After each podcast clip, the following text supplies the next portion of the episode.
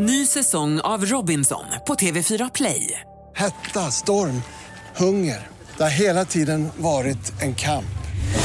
Nu är det blod och tårar. Fan händer just nu. Det. är Detta är inte okej. Robinson 2024, nu fucking kör vi! Streama söndag på TV4 Play. Does Bernadotte have anything with the Swedish royal family? One Saturday morning, you cooking at the show, you invite the royal family, I come with a bottle of uh, wine. Fläsk, kyckling och nötkött. Där ligger vi någonstans mellan 26 och 30 kilo per person och år. Och lamm, vad tror du? Då har jag redan hunnit in och börjat borsta tänderna. Så Jenny, jag är ledsen. Du får ta på dig klänningen ändå, för du måste följa med. Och sen följde en middag som är den utan tvekan den bästa i mitt liv.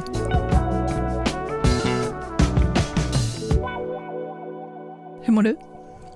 Åh, jag mår jättebra. Vet du, jag är så nöjd med livet just nu. Det är fantastiskt. Det är du liksom lite så här eh, pillrigt glad, så att du nästan går runt och hoppsar. Har du gjort det någon gång på gatan? Du vet, här? Jaha, det har jag gjort. Nej. Det har jag gjort. Fast då, brukar det vara lite kärlek inblandat också. Åh, då hoppsar ja, då hoppsar jag längs gatan. Det är faktiskt, då är man glad. Men det var eh, intagningsprovet på Operabaletten var just hoppsa steg. Jag gick på Balettakademin och så ville jag komma in på Operabaletten för att där gick alla coola tjejer. Och tydligen lyckades jag inte alls med det för jag kom inte in. Jag fortsatte på Balettakademin. Ja. Men hoppsasteg, det är inte, det är inte jordens svåraste övning, men tydligen så är det kanske svårt att göra snyggt. ja, de tyckte att jag misslyckades i alla fall. Ja. Tänk att du var dansa balett, Erik. Mm. Det är så himla Det är otippat. därför jag är så graciös. Ja, det är du verkligen. Mm. Det håller jag med om. Men du, vi var ju ute på Lidingö i helgen. Ja, det, jag såg, hörde någonting om det. Det var så där, eller? Nej, men alltså, eh, så här. Jag hade jättehöga förväntningar. Det har jag alltid och det tycker jag man ska ha. Liksom, när man lägger både tid och pengar på med att all eh, rätt. Med ha en, all över- rätt. ja, precis, att, Ja. att göra en övernattning någonstans. Och så hade vi packat och man har tagit med sig finskorna Mm. och nej, men verkligen sådär gjort det mysigt. Mm, mm. Kommer dit, fantastiskt rum, jättebra miljö, men maten är katastrofal. Vad åt Dålig. ni? Vad åt ni? Nej, men vi, jag, eftersom jag är allergisk så har jag svårt att äta desserter, så vi brukar Mm. försöka ta två förrätter istället. Det gjorde vi även igår. Och jag åt en biff tartar, tog vi in, och sen en tonfisktartar och sen så någon ytterligare tartar som var någon pilgrimsmussla. Men det var så mycket ingredienser och det var fetaost och det var vattenmelon och det var eh, massa kryddor och det var det ena och det andra och tomater och hit och dit och Mm, allting var nästan liksom finskuret och det kom bara en hög. Mm. Och det gick inte ens att se vilken förrätt som var vilken. Du fattade inte det ens. Okej. Ja. Och sen smaken, Erik. Ah, det var så för mycket av allt så att det bara, det, det hände ingenting. Du kunde inte urskilja någon smak. Det bara Nej. smakade dåligt. Ska det vara så? Nej, det där är ju alltid hybris. Kockhybris. Man tror att mer, mer är mer, så att säga. Det är ju det verkligen ju inte så. Det, det är ju alltid det där, man måste skala av, skala av, skala av. Behövs det eller behövs det inte? Behövs det eller behövs det inte? Ta bort, ta bort, ta bort tills du har liksom bara basen kvar egentligen. Ja, för enkelheten, det är ju den man verkligen värdesätter. Rena smaker. Precis. Sen kan det ju vara, det kan vara mycket saker i, men harmonin smakmässigt, där, där får det ju inte vara att det blir som bingo berra i munnen. Liksom. Det hoppar och studsar och det är bollar hit och dit och det är ett och två och tre och fem och bingo blir det aldrig. Jag vet inte sjutton hur det där går till. Alltså när man, hur man tänker när man bara laddar på med mer och mer och mer. Men apropå eh, mat då på, på större hotell. Jag förstår tanken, för det är ju ändå så här, det ska passa många smaker, givetvis. Kanske också från olika länder. Man måste ju tänka väldigt noggrant när man komponerar en eh, hotellrestaurang hotellrestaurangsmeny. Men, men varför drar man åt hållet att det inte är gott alls? Ja, restauranger i hotell, att det ska vara så jäkla svårt. Varför blir det så? Vad, är det, vad, vad går det fel? Jag tycker man får den här känslan. Du, du sätter dig i matsalen på kvällen för att äta middag. Men det känns som precis innan dig så satt någon där och åt frukost. Och det är liksom fortfarande smulor från croissanten kvar på bordet. Och mm, personalen är lite sådär, de vet inte, jobbar jag med att bära väskor eller mat eller är det frukost eller är det middag? Känslan är splittrad skulle jag säga. Som när toalettringen fortfarande är varm på en flygplats. Det gillar man inte. Och nöjer sig gästen med att det liksom spricker här och var? Jag menar som på ditt besök där. Är de glada de som har varit där och ätit den här skiten? Nej, men liksom? jag tror tyvärr att många känner så, fast de gör det andra så himla bra. Så att man vill ändå komma tillbaka. Men tänk då en upplevelse där även maten är bra. Det är det jag tänker på i alla fall, när Ja. jag lämnar stället. Ja, det, det jag kan tänka mig som är lite samma andas barn så där, det är väl Yasuragi, Hasseludden. Mm. En stor konferensanläggning eh, precis söder om Stockholm. Ja, just det. Som serverar mycket eh, ja- Japan-influerad eh, mat och även har bad, varma bad. Jättehärligt. Väldigt skönt att bada Mhm. där ute. Mhm. Framförallt på vintern. Mm. Åh, Åh, när det är 10-12 minusgrader Ja. och massa snö. ja, Och så bara glider man ner i de här varma källorna. Åh, Ja, vad härligt. Och man tvagar sig innan på japanskt sätt. Det, det, ja, jag gillar det verkligen. När man åker därifrån så är man så ren Mm. så att du skulle egentligen inte behöva duscha på ett år. Nej, du menar att du duschar oftare än ett år? Jag duschar varje julafton vare sig det behövs eller Ja, jag tror vi duschar alldeles för ofta faktiskt. I västvärlden.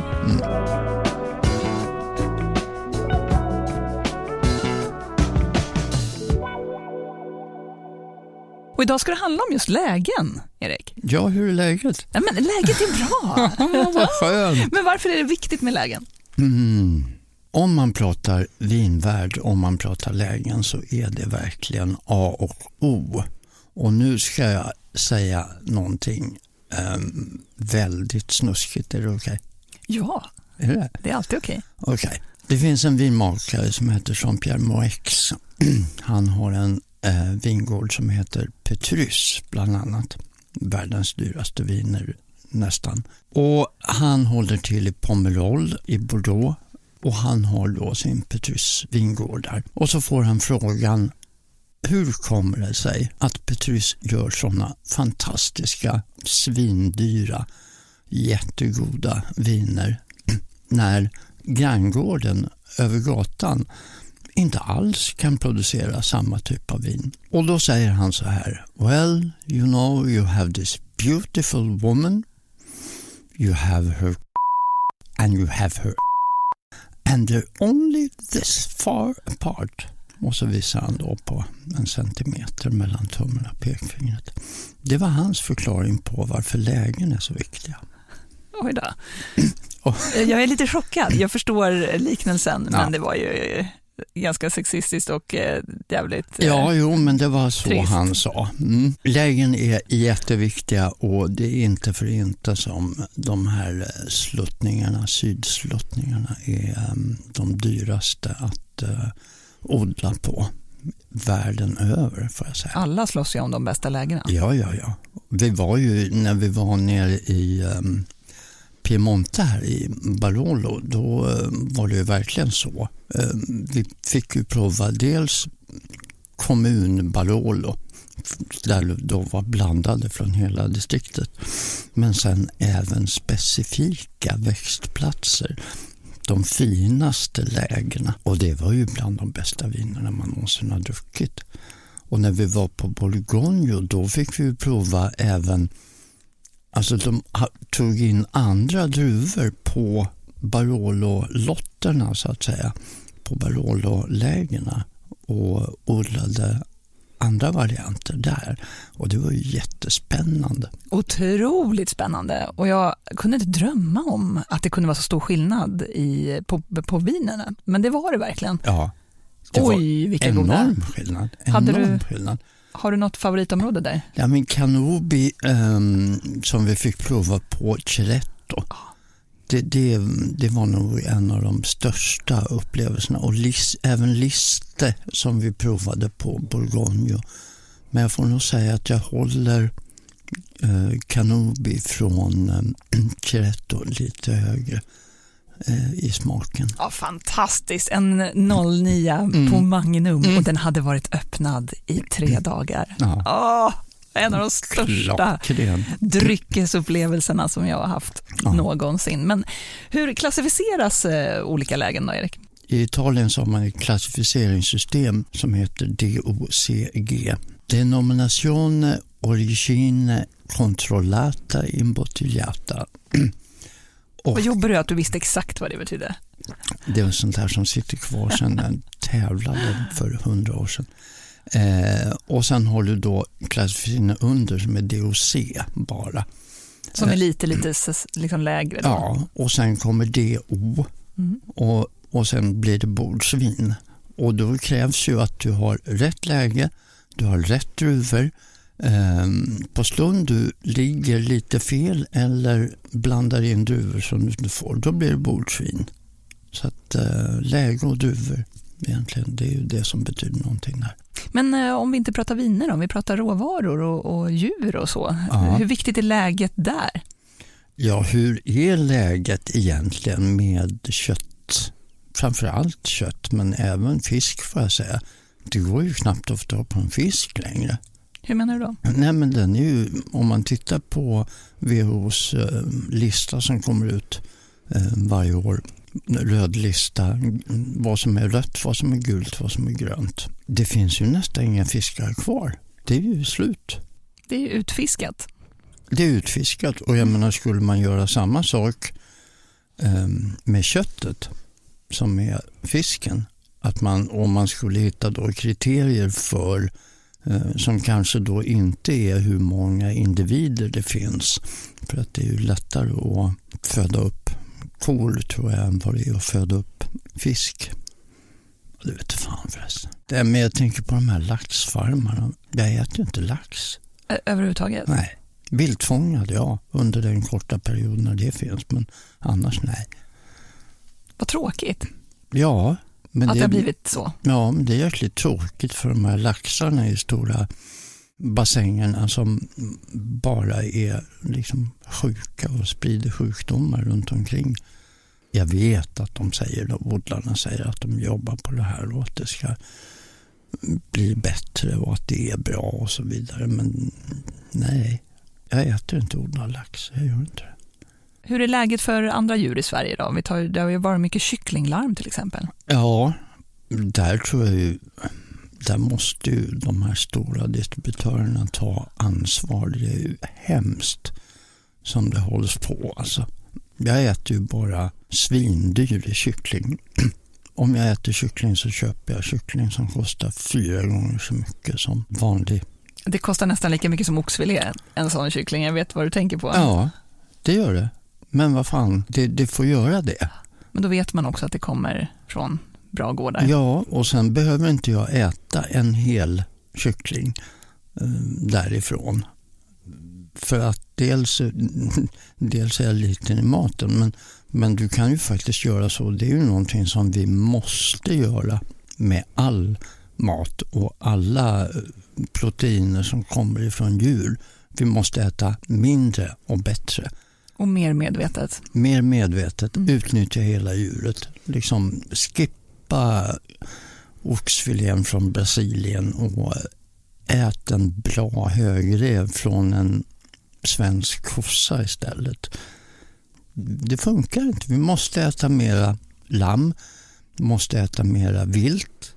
Vi äter nästan ingen lamm, vi äter nästan ingen vilt. Och det finns hur mycket som helst. Ta vara på det.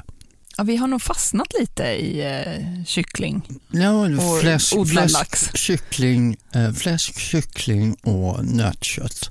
Där, där ligger vi någonstans mellan 26 och 30 kilo per person och år. Oj, oj. Ja.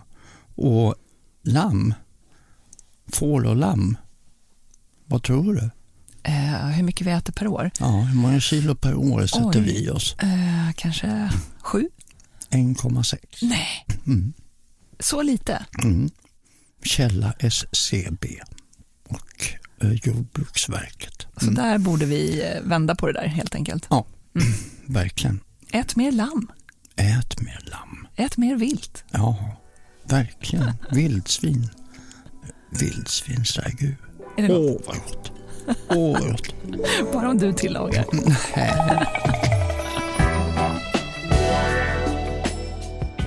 45 minuter AV är sponsrat av The Wine Agency, Vin Unik och Wine World Sweden. Idag åker vi till Toscana och provar två viner. Vi börjar med Brunello di Montalcino från kooperativet Agricoltori del Chianti Geografico med årgång 2015. Vinet är gjort på druvan Sangiovese Grosso, en variant av Sangiovese-druvan som även kallas Brunello. Det här är ett vin som verkligen vinner på lagring.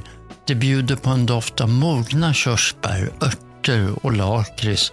Och i smaken hittar du kryddor, fatkaraktär, tobak och kakao. Ett perfekt kraftfullt vin till höstens grytor, mogna ostar eller varför inte ett höstlamm med en krämig potatisgratäng. 2015 Brunello di Montalcino har varunummer 80413 och kostar 219 kronor. Det finns i Systembolagets beställningssortiment. Det andra vinet är en Chianti Classico från Castello di Brolio. Årgången är den fantastiska 2016 och vinet görs av 97% Sangiovese och 3% Abruzco.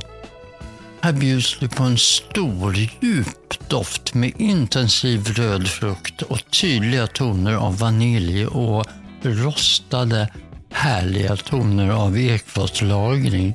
Smaken harmonierar med doften och här hittar du körsbär, plommon och vanilj. Det här vinet mår bra av lite luft så häll gärna över ett på karaff 30 minuter innan servering och servera gärna vid en temperatur på 16 till 18 grader. Vinet passar till vilt, långkokt kött och svamp men även till lagrade hårdostar. 2016 Castello di Brolio har varunummer 78008 och kostar 369 kronor. Det finns i Systembolagets beställningssortiment. Tack The Wine Agency, Vin och Wine World Sweden för en ypperlig början på hösten. 45 minuter AV är sponsrade av Lavazza. Har du tänkt på att kaffeavdelningen i mataffären börjar se ut som hyllorna med frukostflingor? Det är en djungel av varumärken, rostningar, malningar och förpackningar. Hur ska man välja? Vill du ha ett premiumkaffe är det första valet enkelt. Välj Lavazza helt enkelt. När det sen kommer till malningen beror det på hur du gör ditt kaffe hemma. Använder du en pressobryggare där kaffet får ligga och gosa till sig i vattnet, då väljer du en grövre malningsgrad. Brygger du kaffet ska kaffet vara lite finare malt och har du en mockabryggare eller en espressomaskin, då ska kaffet vara ännu mera finmalt. Smaken då? Här spelar din personliga smak in och naturligtvis har Lavazza tänkt även på det här. För ett milt biodynamiskt kaffe på 100% arabikabönor väljer du Tierra, ett fruktigt elegant kaffe. Lite mer skjuts får du med Qualita Oro, ett blommigt fruktigt kaffe tillverkat av 100% arabikabönor. Vill du ha mer av allt väljer du den klassiska Qualita Rossa. Ett fylligt kaffe med tydliga toner av choklad gjort på 70% arabica och 30% robusta bönor. Vid min senaste sväng i affären fick jag en glad överraskning. Lavazza i kapslar för Nespresso-maskiner.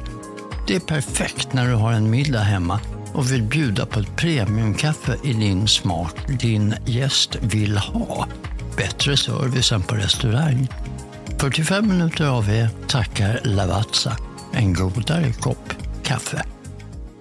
Men du Erik, vi ska tillbaka till eh, några som bor på ett av världens bästa lägen till italienska Piemonte. Oh. Och vi fick ju besöka vinproducenten Ceretto som är en av de absolut främsta familjeproducenterna i hela Italien faktiskt. Mm. Ceretto grundades på 1930-talet av Riccardo Ceretto som då inte ägde någon vingård utan han producerade vin av druvor som han köpte. Men sen kom sönerna in i familjeföretaget, Bruno och Marcello, och de förstod hur viktigt det var med just områden och lägen, precis som du har pratat om Erik. Mm, mm. Så de började köpa upp bra mark helt enkelt, för de förstod redan då hur viktigt det var för vinerna. Mm. Så Bruno och Marcello de köpte upp stora områden i i Barbaresco på 70-talet och snabbt så blev Ceretto en av Piemontes absolut främsta producenter och gör än idag vin i världsklass. Idag så är det den tredje generationen som driver Ceretto och vi träffade Federico Ceretto, en fantastisk karismatisk man som stod utanför eh, den här vingården som ligger på toppen eh, av eh, Barolo och eh, ser ut nästan som ett litet slott där uppe. Mm. Stod han utanför och tog emot oss personligen. But tomorrow, so just to give you a, a little idea, mm. tomorrow Enrico the chef will be waiting us down there. That is the garden of Piazza Duomo. Jätteglad, härlig. Jag fattade först inte alls att det var självaste Federico Ceretto Nej, som, som han, tog han såg, han såg ju ut, Federico såg ju ut som en utav, ja, han hade väl rullat några tunnor där inne, liksom, trodde jag och kunde kanske svara på frågan var vi hittar den store Federico Ceretto. eh, men det var alltså han. Det var han i alldeles egen hög person och eh, han hoppade in i sin bil och bad oss köra efter, för vi skulle ju få bo hemma hos Federico Ceretto ja, i tre nätter. Vi skulle bo på fantastiska Bricco Rocche. Bricco eh, står på många etiketter här och Bricco betyder toppen av kullen eh, och det här var verkligen toppen av kullen, eller hur?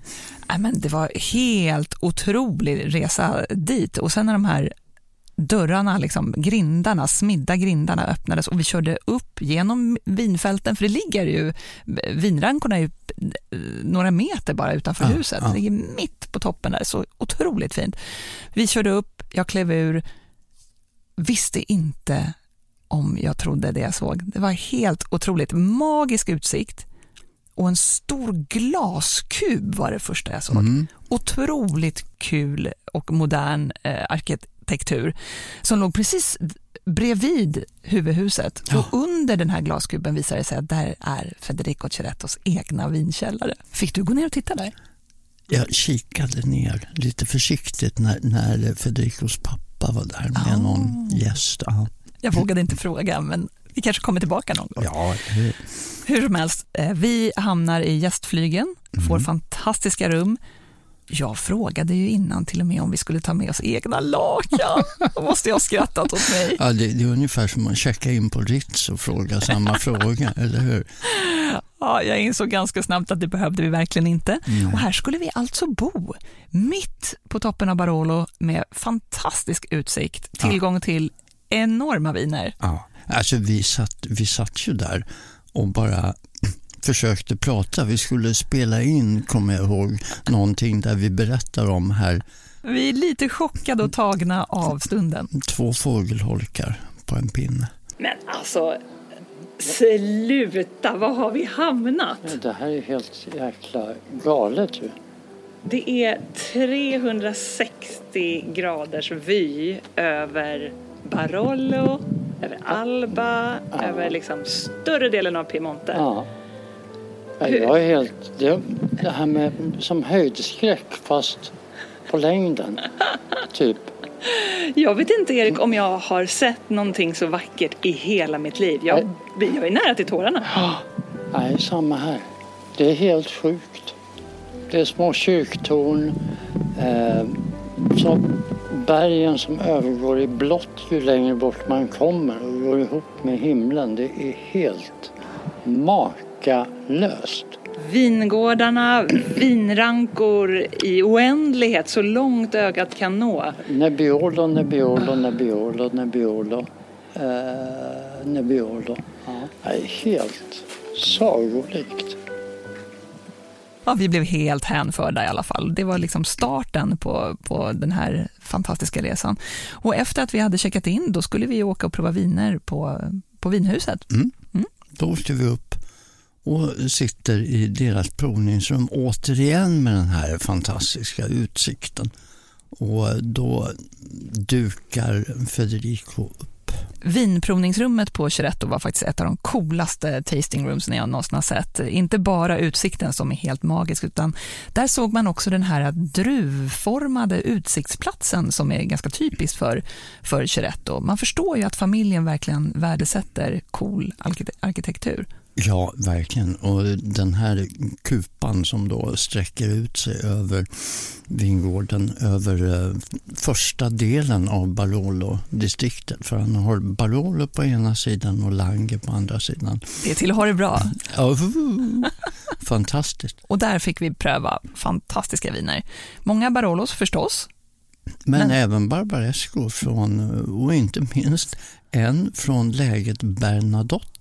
Just det. Ja. Det var han lite stolt över att visa mm, just oss. Det var han. Det var han. Jag påpekade där, har det någonting med kungen att göra? Does Bernadotte have anything with the I see. No. royal family? Allora, I think they are scared that maybe, I don't know, you tell me. Can, there is something wrong about touching the, the, the, family name because if, if it was for me, I would make advertising of yeah, Bernadotte yeah. wine, you know, like uh, bring in Enrico Crippa and cook for the royal family and do a Bernadotte Vertigo. I don't know, but they seems not to no. catch the opportunity. That's so Swedish.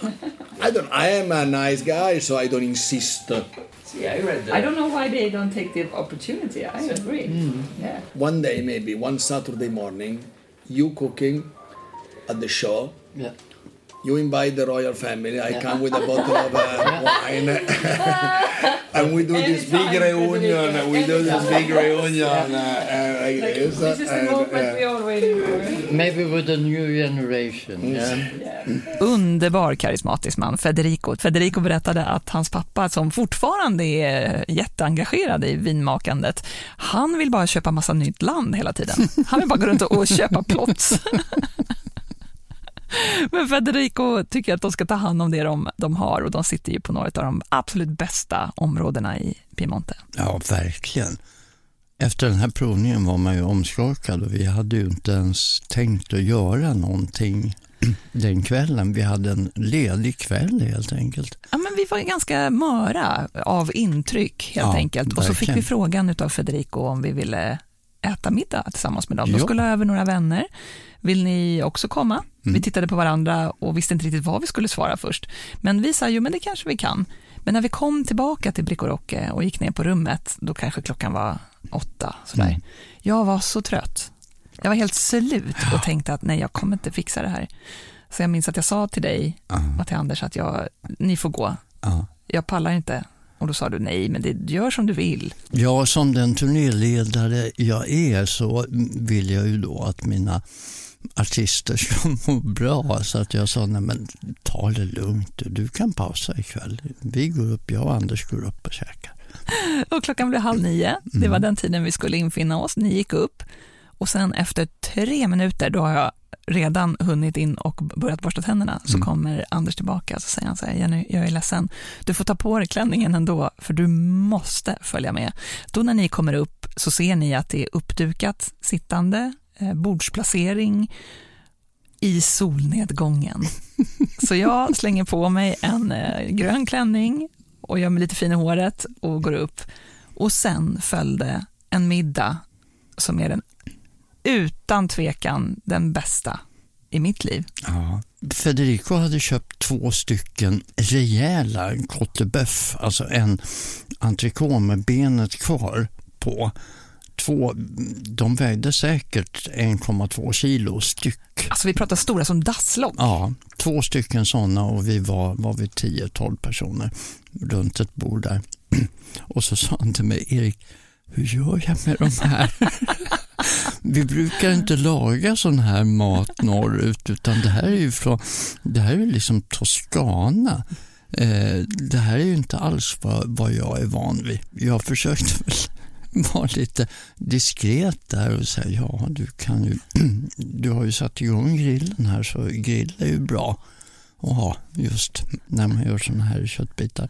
Så jag försökte ju liksom inte vara alltför ta över allt för mycket om vi säger så. Nej, du höll det lite i bakgrunden där och eh, Federico slängde de här köttstyckena på, på grillen, men det var nog kanske lite för höga lågor tror jag i början. Ja, det brann väl lite mer än grillades där i, i början. Så det blev så att jag tog över eh, själva grilleriet där. Och, ehm, Han ville ju det från, från ja, första början. Jo, det märkte man väl. Ja, det är klart. Mm. Och det är klart att vi kunde hjälpa till. För där står vi alltså och dricker fördrink, Erik grillar i skymningen och eh, efter det så gick vi och satte oss vid terrassen mm. med den här magiska utsikten Aha. över landskapet.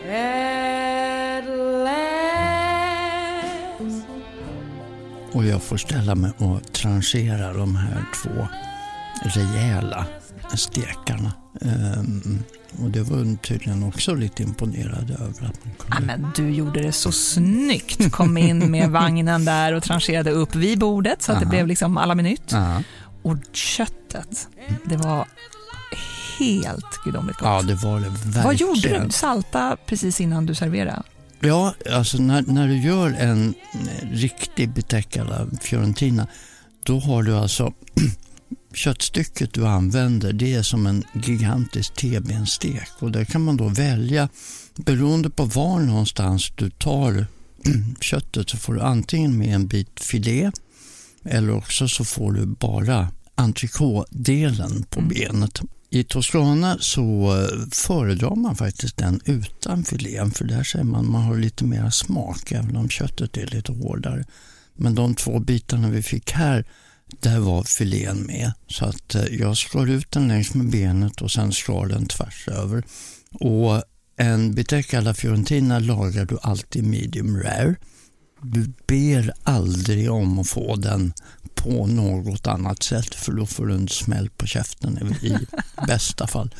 Ehm, saltar och peppar efter tillagning mm. och sen serverar du den bara helt enkelt. Ingen sås, ingenting utan bara eh, möjligen en, en, lite bönor eller en bönsallad eller en sallad till. That's it. Ja, det var så gott. Det var mm. precis så vi avnjöt det också. Mm. Det smalt i munnen. Verkligen. Smälte, smalt. Smal, nej, smalt. Smultigt. Smälta, smalt, smultigt. Skitgott helt enkelt. Skitgott det var så var det. jäkla gott. Jag, mm. utan att ljuga, tror att jag tog om fem gånger. Ja. Först i början så tar man ju bara några skivor, man mm. vågar inte och sen alla fått givetvis. Mm. Och sen så vill man ha lite mer, ja, ja, yes please, mm. förstås. Mm. Några skivor igen, men mm. sen var jag där och norpade när ingen såg också. det var så himla gott. Och till det här så kommer alltså, oh, oh, just det, jag höll ju på att missa den här middagen. Ja. Och vad är det första som händer när jag kommer upp då säger Federica, ah Jenny, Jenny, kom, ska jag visa dig någonting? Och så vinkar han in mig där. Då har han varit nere i sin vinkällare och plockat fram två flaskor Barolo från 1974, ja. mitt födelseår. Ditt födelseår.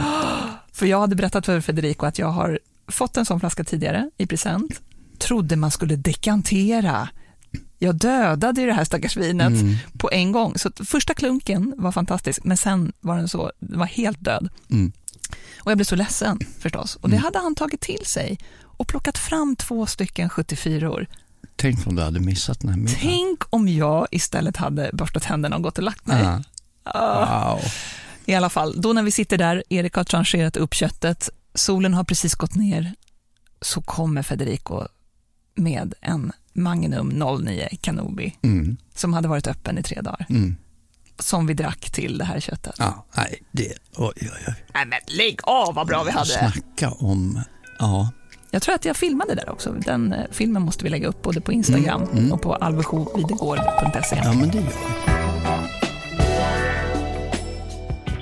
45 minuter AV är sponsrade av STS Alp alpresor. Vi gillar ju allt som har med mat, dryck och upplevelser att göra. Jag har då svårt att tänka mig ett mer klockrent samarbete än STS alpresor. Upplevelser? Check. Mat och dryck? Dubbelcheck. STS tar dig till inte mindre än 12 destinationer i Österrike, Frankrike och Italien. De driver flera egna hotell med fokus på service, mat och dryck. Och då har jag inte ens nämnt den suveräna skidåkningen. STS ambition är att sätta guldkant på din vistelse från början till slut. Och väljer du STS Alp Inclusive paket ingår alla middagar i resans pris. Plötsligt kan jag börja se fram emot vintern. Serchevalier, Cervinia, Bad Gastein. Kan det inte börja snöa snart? 45 minuter av er är väldigt glada och välkomna STS Alpresor som ny sponsor. Gå nu in på deras hemsida alpresor.se och boka bums.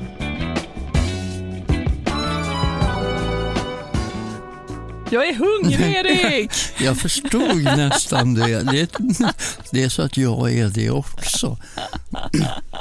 Nu ska vi få se vad jag har hittat på här. Vad har du hittat på idag då? Ja, nu ska vi öppna lilla Lattjo lådan här. Vi har ju pratat rätt mycket Toscana idag. Ja, det har vi. Så att jag tänkte att någonting från Toscana får det bli. Att ta in en grill här kändes lite överkurs. Börja med att hälla upp en sval Brunello di Montalcino. Och Brunello är alltså både druva och eh, område, eller hur? Monta I Toscana. Montalcino är området, Mm. Brunello är druvan. Just det. Mm. Oh, den är kall. Jag älskar när du serverar Jag har ditt röda vin tempererat den Mm. en halvtimme Ska jag smaka i först? kylen. Ja, prova. Trevligt. Oj, vad gott. Mm, vad gott. Ganska kryddigt och kraftigt eh, vin i Brunello. det är det. det är det verkligen. Det här är ju perfekt till, till kött, till vilt, till svamp och varför inte en ribolita. Ah, vad är det för något då? Det låter väldigt gott Mm. och trevligt. Men vad är det för något? Ribolita betyder omkokt Jaha. egentligen. Och det är en mustig soppa som du kan göra vegetariskt. Du kan blanda i eh, lite pancetta om du vill. Du kan ha lamm i, du kan ha vildsvin i. Det är vita bönor vad som är basen. Mm. Och här har jag tagit torkade vita bönor, legat i vatten över natten. Sen har jag kokat dem. Man kan köpa färdiga vita bönor Jag tänkte säga, varför, varför använder du torkade vita bönor? därför att smaken blir så otroligt mycket Är det stor bättre. skillnad alltså? Du ska få känna här på bönorna i den här ribolitan. Du får en helt annan smak.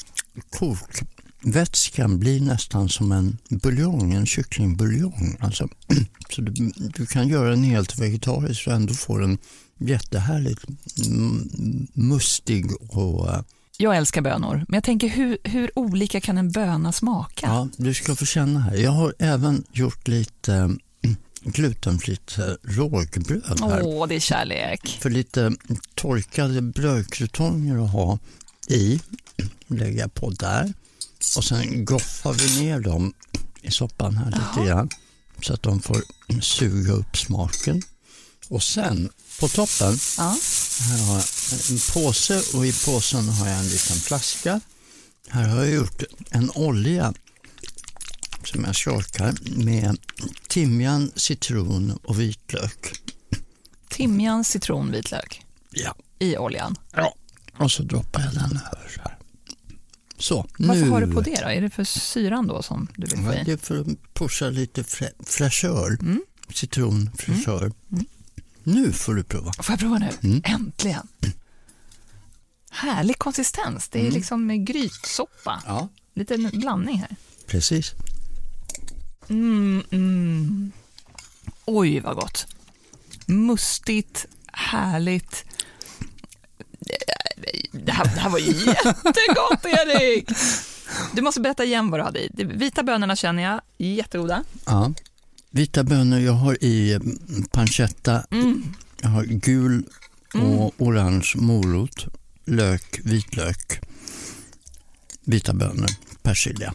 Det låter ju jätteenkelt. Ja, och burktomater då. Hela burktomater. Åh, vad gott det var. Det är det va? Mm. Och den är rätt så här alltså välbalanserad Mm. i smaken. Det är ingenting som direkt sticker ut men du har den här fylligheten. Och sen lite kick ifrån oljan där. Och tänk när det blåser och regnar ute och så äter man Mm. en sån här ribolita. Mm. Oj, vad gott. Och ribolita omkokt, det, det, det beskriver alltså hur man äter den här egentligen. För man gör en rejäl gryta. Sen ställer du in den i kylen, alltid bäst dagen efter. Det är svartkål i också ska jag säga. Och sen vartefter du blir hungrig, då går du in i kylen och så tar du några slevar och så värmer du den. Så att du värmer om den och om den och om den flera Mm. gånger. Och blir bara bättre för varje dag säkert. Jajamän. Oj, vad gott. Och, så, och håller väl sig ganska länge för det är ingen grädde i Nej, precis. Den håller sig en vecka. Mm. Liksom. Och brunellon passade ju utmärkt till den här grytan. I och med att den är så fyllig. Mm. Och brunellon är ju ganska sträv. Mm. Den Kraftig och sträv. Ja, Sangiovese Grosso har väldigt sträva tanniner. Så det här är, Brunello är ett vin som lämpar sig att, att lagra länge. Mm. Jag äter så fort och mycket här nu så att jag håller på att spilla ner mig också. Jag kan inte liksom hålla mig, Erik. Det är ju någonting med mustiga, härliga, varma grytor den här årstiden också. Ja, verkligen. Det är Mm. klockrent. Men jag tänker på, på vinet här, Brunellon då. Eh, passar den för lagring? Väldigt väl. Mm. Väldigt, väldigt väl. Den här tror jag är en 2015 vi dricker nu så att den här har redan eh, sex år på nacken. Men den här kan ju leva i 10-20 år till. Jättegott var det just till eh, den här typen av mat Mm, också. mm. Men jag kan också tänka mig till eh, kanske lite mogna ostar. Åh, sådär. perfekt, perfekt. Eller hur? Mm. Åh, vad gott.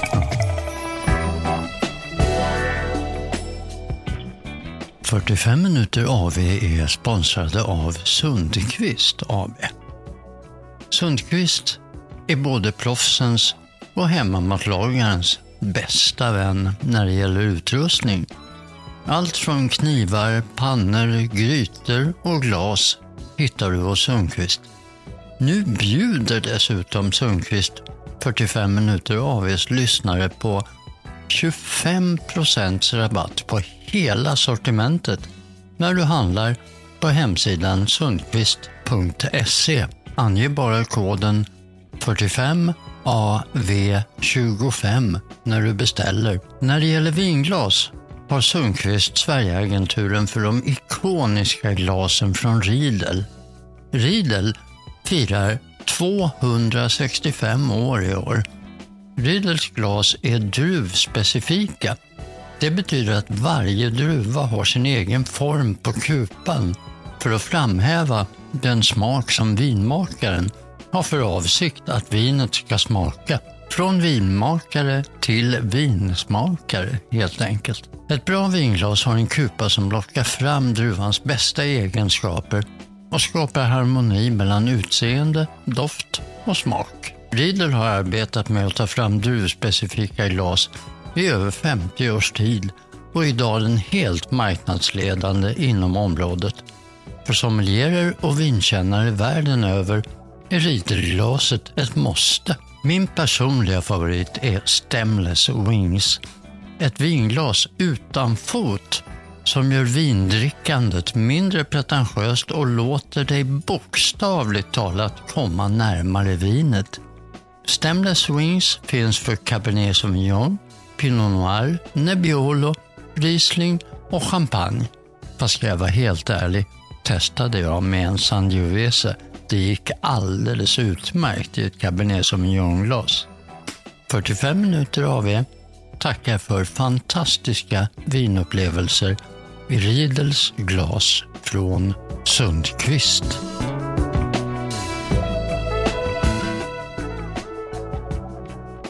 I köket idag så ska det handla om skärbrädor. Ja, det tänker man ju liksom inte på att det är viktigt med en skärbräda som är bra. Nej, men det är ju jätteviktigt, för det är någonting som vi använder flera, flera gånger varje dag. Och det första man undrar är ju plast eller trä, Erik? Mm.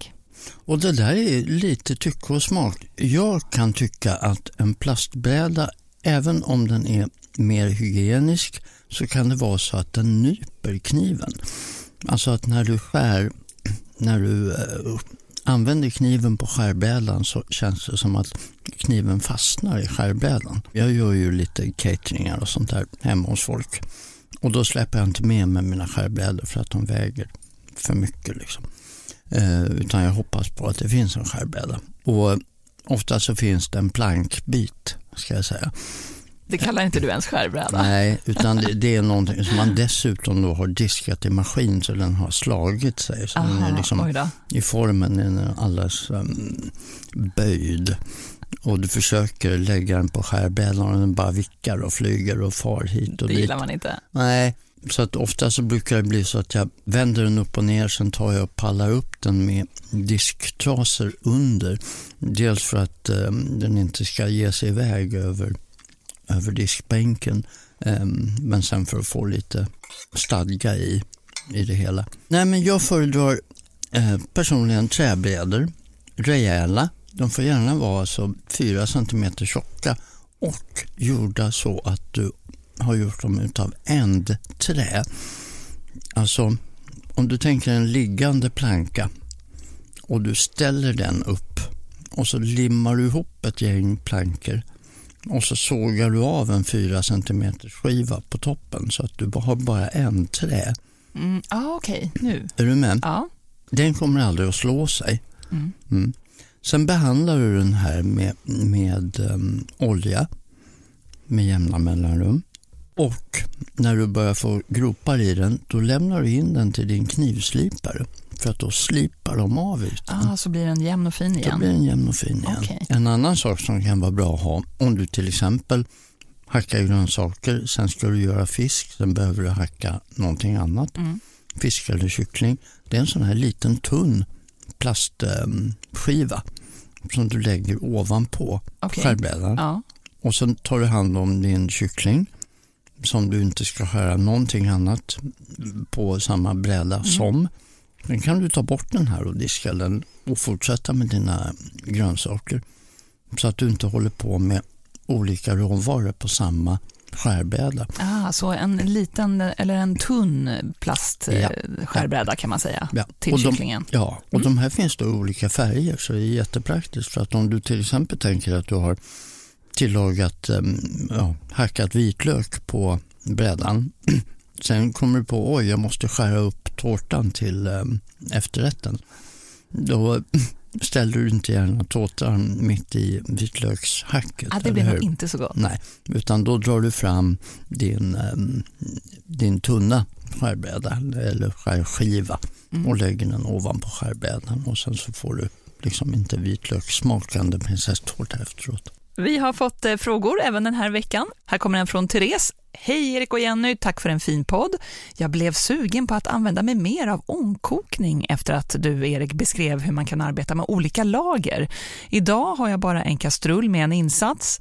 Om jag ska prova att utöka köket med en i flera våningar, skulle du då rekommendera en elektrisk eller en sån man ställer på plattan? Mm. Jättebra fråga. Jag älskar ju ångkoka. Jag gjorde ett recept här bara i förrgår faktiskt, där jag skulle använda dels rotfrukter, dels skulle jag ha fänkål och sen skulle jag ha hummer och eh, musslor. Och då var det perfekt för då satte jag på vattengrytan då som är i botten av de här. Då satte jag på den på spisen. Den börjar koka. Då sätter jag på lagret med hårda grönsaker. Så låter jag dem gå under lock eh, fem minuter ungefär. Jag kände de börjar precis bli klara när jag sticker i dem med kniven. Då sätter jag på nästa lager med fänkål som tar kortare tid och när den börjar bli mjuk då är det dags för de kokta musslorna och hummer som jag ställer ovanpå som bara behöver 30 sekunder. När allt det här är klart då blandar jag ihop det här och så har jag en mussel och hummerragu med fänkål, med jag hade morot, jag hade majrova, eh, massa goda rotfrukter till det här. Det är helt perfekt. Och alla helt perfekt omkokta. Helt perfekt omkokta och färdiga samtidigt. Och vad det gäller om man vill ha den på spisen eller om man vill ha en elektrisk, den du har på spisen, den kostar kanske 350 kronor. Den elektriska kanske kostar 1200 kronor. Någonting sånt. Så att dels är det en prisfråga, resultatet blir exakt detsamma. Bor man trångt eller om du till exempel vill ha ute på landet då kan ju en elektrisk vara väldigt praktisk. För där kanske man inte är i köket eller har så mycket köksutrymme. Så du, man får Ja, ja, välja Man själv får välja själv. utifrån det pris passar. och precis eh, plats i köket Ja, kanske? ja, precis. Från Hans i Sandviken. Vad ska man ha för termometer till fisk? Den som sitter i ugnen är för tjock. Ja, Det är ju helt sant. Det, det är helt den. sant. Helt sant. Varför har de inte tänkt på det? Nej, det undrar jag också. Man tror bara att man gör stora stekar liksom. Eller hälleflundra. Hel.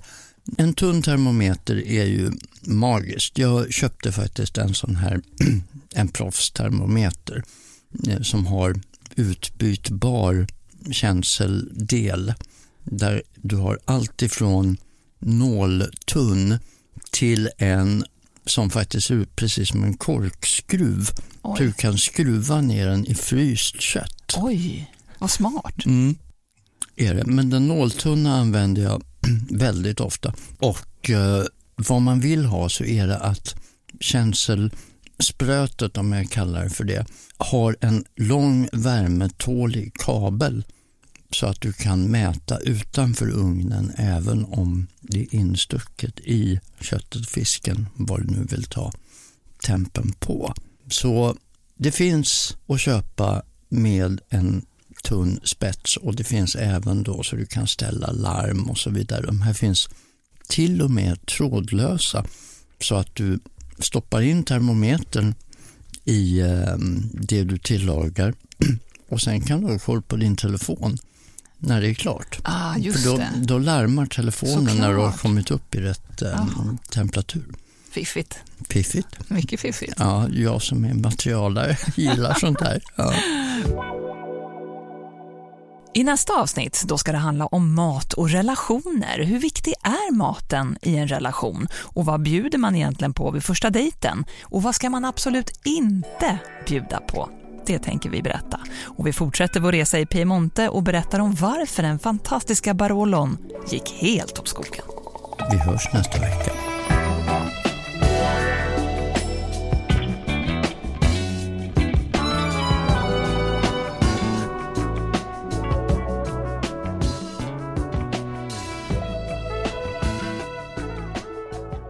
Men vad fan händer med den här datorn? vad är det här? Jenny blir upprörd. Ja. Ja, men alltså på riktigt, jag skulle vilja skicka den rakt in i väggen. ja. Det har inte med någon helgupplevelse att göra att du har såna här aggressioner just nu. Ny säsong av Robinson på TV4 Play. Hetta, storm, hunger. Det har hela tiden varit en kamp. Nu är det blod och tårar. Fan händer just nu. Det. är Detta är inte okej. Robinson 2024, nu fucking kör vi! Streama söndag på TV4 Play.